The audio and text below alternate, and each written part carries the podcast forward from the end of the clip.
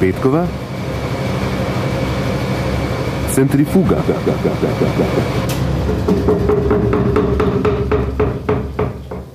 Nekaj gnilega je v deželi Danski. To je že v elizabetinskih časih uvidel Shakespeare. Zdaj po več kot 400 letih pa to ve že v svet.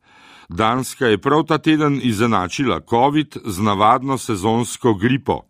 In glej zlomka, gniloba je očitno mamljiva, še celo Kitajska je zdaj po ljudskih protestih svojo ničelno toleranco do COVID-a vsaj nekoliko bolj sprejemljivo prenesla na odgovornost posameznika. In tako se nam po treh letih vsem obeta pravi veseli december, dobro Kitajcem pač januar, kot si ga ljudje za prehod v novo leto zaslužimo a bodite brez skrbi, če vas morda skrbi, da bi nenadoma lahko ostali brez skrbi. Ljudje znamo vedno poskrbeti, da nam ni prav lahko. Začelo se je sicer lepo, 3. decembra smo imeli spet ta veseli dan kulture, 222 let po rojstvu Franceta Prešerna in to kar z obljubo o tem, da smo se končno in zdaj pa čisto zares odločili zgraditi NUK 2, že kar malo pozabljena zadeva, kaj ne da kot da bi tistega goloba na strehi znova in znova opravičevali z vrabcem v roki. Snovanje v duhu, da bo odgovarjal vsem izzivom današnjega časa in da bomo tudi lopato lahko zasadili mogoče v 12 ali pa 13 mesecih. Sedem etaž nove nacionalne knjižnice naj bi hkrati uporabljalo kar 1500 obiskovalcev. Čitalnica naj bi bila odprta 24 ur na dan in na skoraj hektaru in pol uporabne površine naj bi hranili desetino, 300 tisoč od 3 milijonov knjižničnih gradiv. Ministr Papič je tudi optimist. V prejšnjem tednu smo vplačali komunalni prispevek, kar pomeni, da bomo najbrž še v decembru, eh, v naslednjih tednih, tednu dveh, pridobili gradbeno dovoljenje. In arhitekt Belk iz biroja Belk Perovič je še vedno tudi po desetih letih od zmage na mednarodnem natečaju poln navdušenja. Ko se zapre velika knjižnica, male deluje, v celotnem pritiču je namenjeno javnemu brevnemu programu, tam so v bistvu od kavarne do neke velike predavalnice, uh, skupni učni prostori, razstavni prostori, skratka, to je neke vrste kot nek velik trg. Bomo videli, če bomo. Tako nekako so na svojo peto volivno nedeljo kimali tudi prebivalci 47 slovenskih občin, ki so za izvolitev župana potrebovali dva kroga. Tokrat je bilo izvoljenih rekordnih 29 gospa župan, največje presenečenje pa je prineslo knežje mesto, kjer je Bojan Šrot preprosto kot le kaj. Očitno, da so si ljudje zaželeli tudi spremembe v politiki, se te lahko tudi preprosto naveličajo. Prostodušno priznal zmago 33-letnemu arhitektu Matiji Kovaču. Smo pokazali, da se v celju seveda da priti tudi do takih sprememb, ki so v širokem konsenzu. Ampak vsa ta imena so šla hitro na pol mimo. Vso pozornost je ta teden požel trojček Bobnar Linda v Golop. Zakaj so zadevo razbobnali do melodramatičnih razsežnosti, se še zdaj natančno ne ve, kaj je v ozadju še manj. Zadevo si bomo zapomnili po prvi konkretni špranji, ki je zazijala v novi vladi. Vse bolj se dozdeva, da je premijer Golop, za razliko od uveljavljanja nacionalnega soglasja, ki na RTV-ju sila počasi kaplja skozi gosto pravno rešeto, pri policiji ni želel tako dolgo čakati na rezultate. Ministrica Bobnar se je kolegom v odmevih oglasila naravnost iz Bruslja. Vkolikor dejansko želimo depolitizirati ta sistem, so nujno potrebne uh, ustrezne zakonske spremembe, predvsem pa, da so uh, delovnopravni ukrepi uh, v izključni pristojnosti prepuščeni predstojniku organa, torej generalnemu direktorju policije, ne pa da se od neke politične stranke ali kogarkoli pričakujejo neko obračunavanje z ljudmi, ki pravzaprav sploh niso povezani ne z, neko, z nezakonitim ravnanjem na protestih, ne z nekim pridobivanjem uh, mandatov v prejšnji sestavi vlade.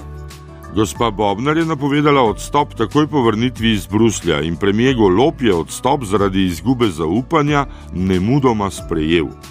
Si predstavljate, kako bi ob podobno upoštevanem nepreklicnem odstopu, ki ga Janša preklicano ni privoščil ministru Hojsu, slednji precej lažje sprejel ugotovitve izrednega policijskega nadzora v zvezi z ljubljanskimi protesti. 161 strani poročila šestih protestov, tudi zloglasnega 5. oktobra lani, je predstavil direktor direktorata za policijo in druge varnostne naloge Slavko Koroš tudi vodni curek z dodatkom souzivca. Tudi zoper posameznike, kar je pa popolnoma nedopustno. Zoper posameznike, ki v bistvu niso nič kršili. Primer uporabe tega vodnega curka s primesjo plina, uporabe proti vidno bolni osebi, invalidu na berglah, recimo in tako naprej. Mislim, to so res primeri, za katere lahko rečem samo, če ne drugače, pa vse v svojem imenu, oprostite. Sliši se skoraj kot bi ga učil Džiboni, kaj ne da. Ampak menda se že pripravlja zakonska prepoved uporabe podobnih sredstev in tudi prepoved dostopa politikov do operativnega štaba policije med akcijo, ker sta si, kot se še vsi živo spomnimo, dovolila notranji minister Aleš Hojs in državni sekretar za državno varnost Žan Mahnič. Eden izmed njih izrazil ogorčanje, češ Tu pa sedijo policisti, ki so za mene pisali kazenske vadbe in tako naprej. In morate verjeti, da je zelo težko obdržati nivo avtonomnosti in strokovnosti, če ti, če rečem tako, nekdo diha za vratnik. No. Le kdo bi takšno nelagodje lažje opisal kot naši policisti? Morda nemški policisti, ki so prav sredi tedna razkajkali neonacistično skupino državljani Rajha. 25 Reichsbürgerjev iz vojaških vrst so tudi zaprli in to po mednarodni raciji v Nemčiji, Italiji in Avstriji. Leto dni so jim dihali za vrat in zdaj v akciji s 3000 policisti istočasno pregledali 113 stanovanj. Nemški državni tožilec Peter Frank ugotavlja, da so zajeli. Poleg tega odbora, ki je hotel zgraditi nove državne strukture, tudi novo oblikovano vojsko z enotami domovinske varnosti.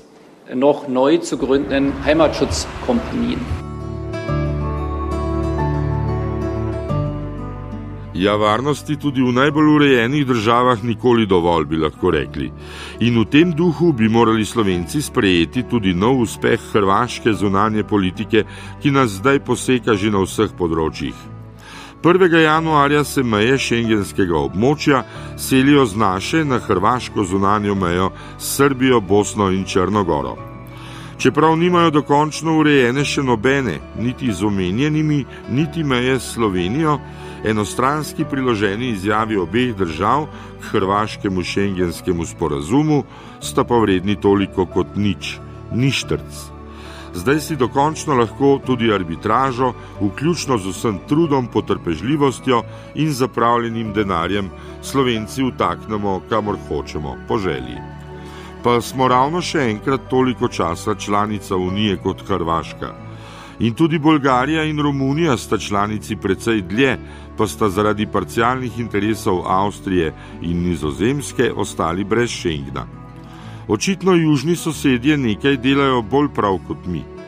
Davor Božinovič je hrvaški notranji minister in se je rad pohvalil, čeprav že dolgo vemo, da od Schengena ni več veliko ostalo. Velik je to uspeh, ništa tu nije palo z neba. To je velik uspeh, nič nam ni bilo podarjeno, vse skozi smo vedeli, da ne bo lahko in da bomo deležni sumničen in težav. Onih, ki će propitkivati sve što radimo.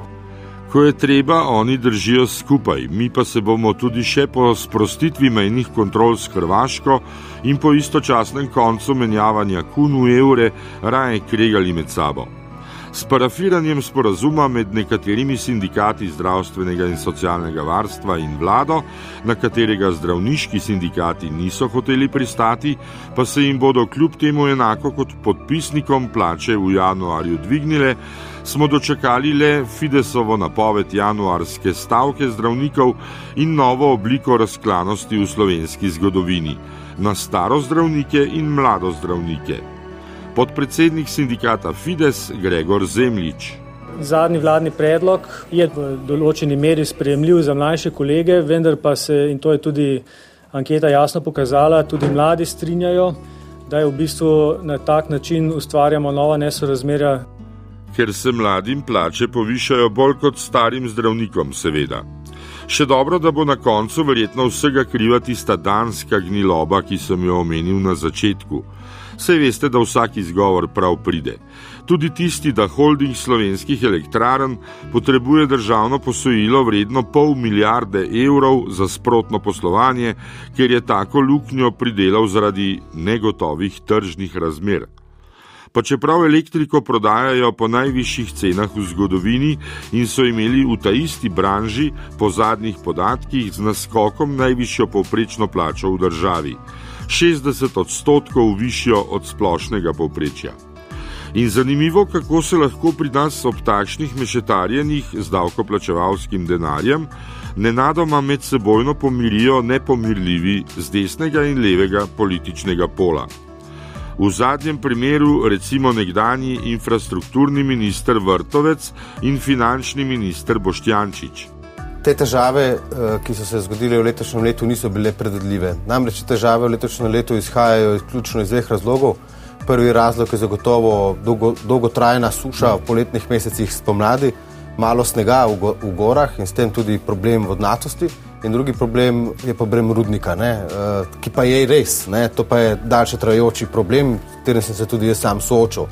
Zdaj, najprej bi uh, potrdil to, kar je gospod Vrtovec uh, povedal, drži.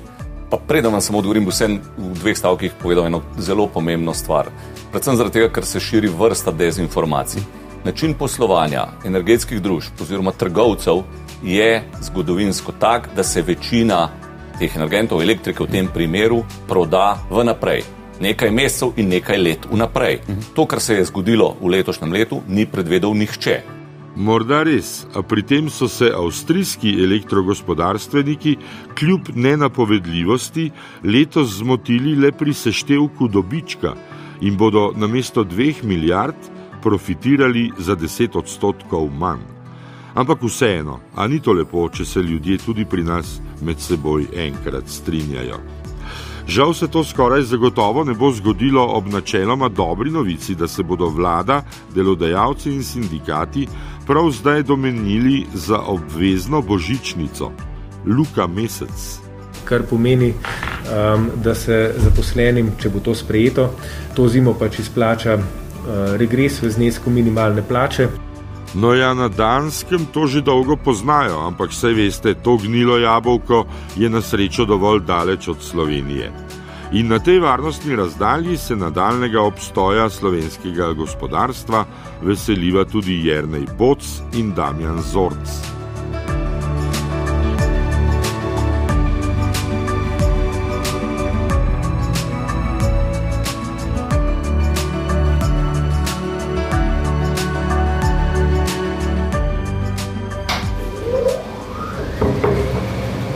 Petkova,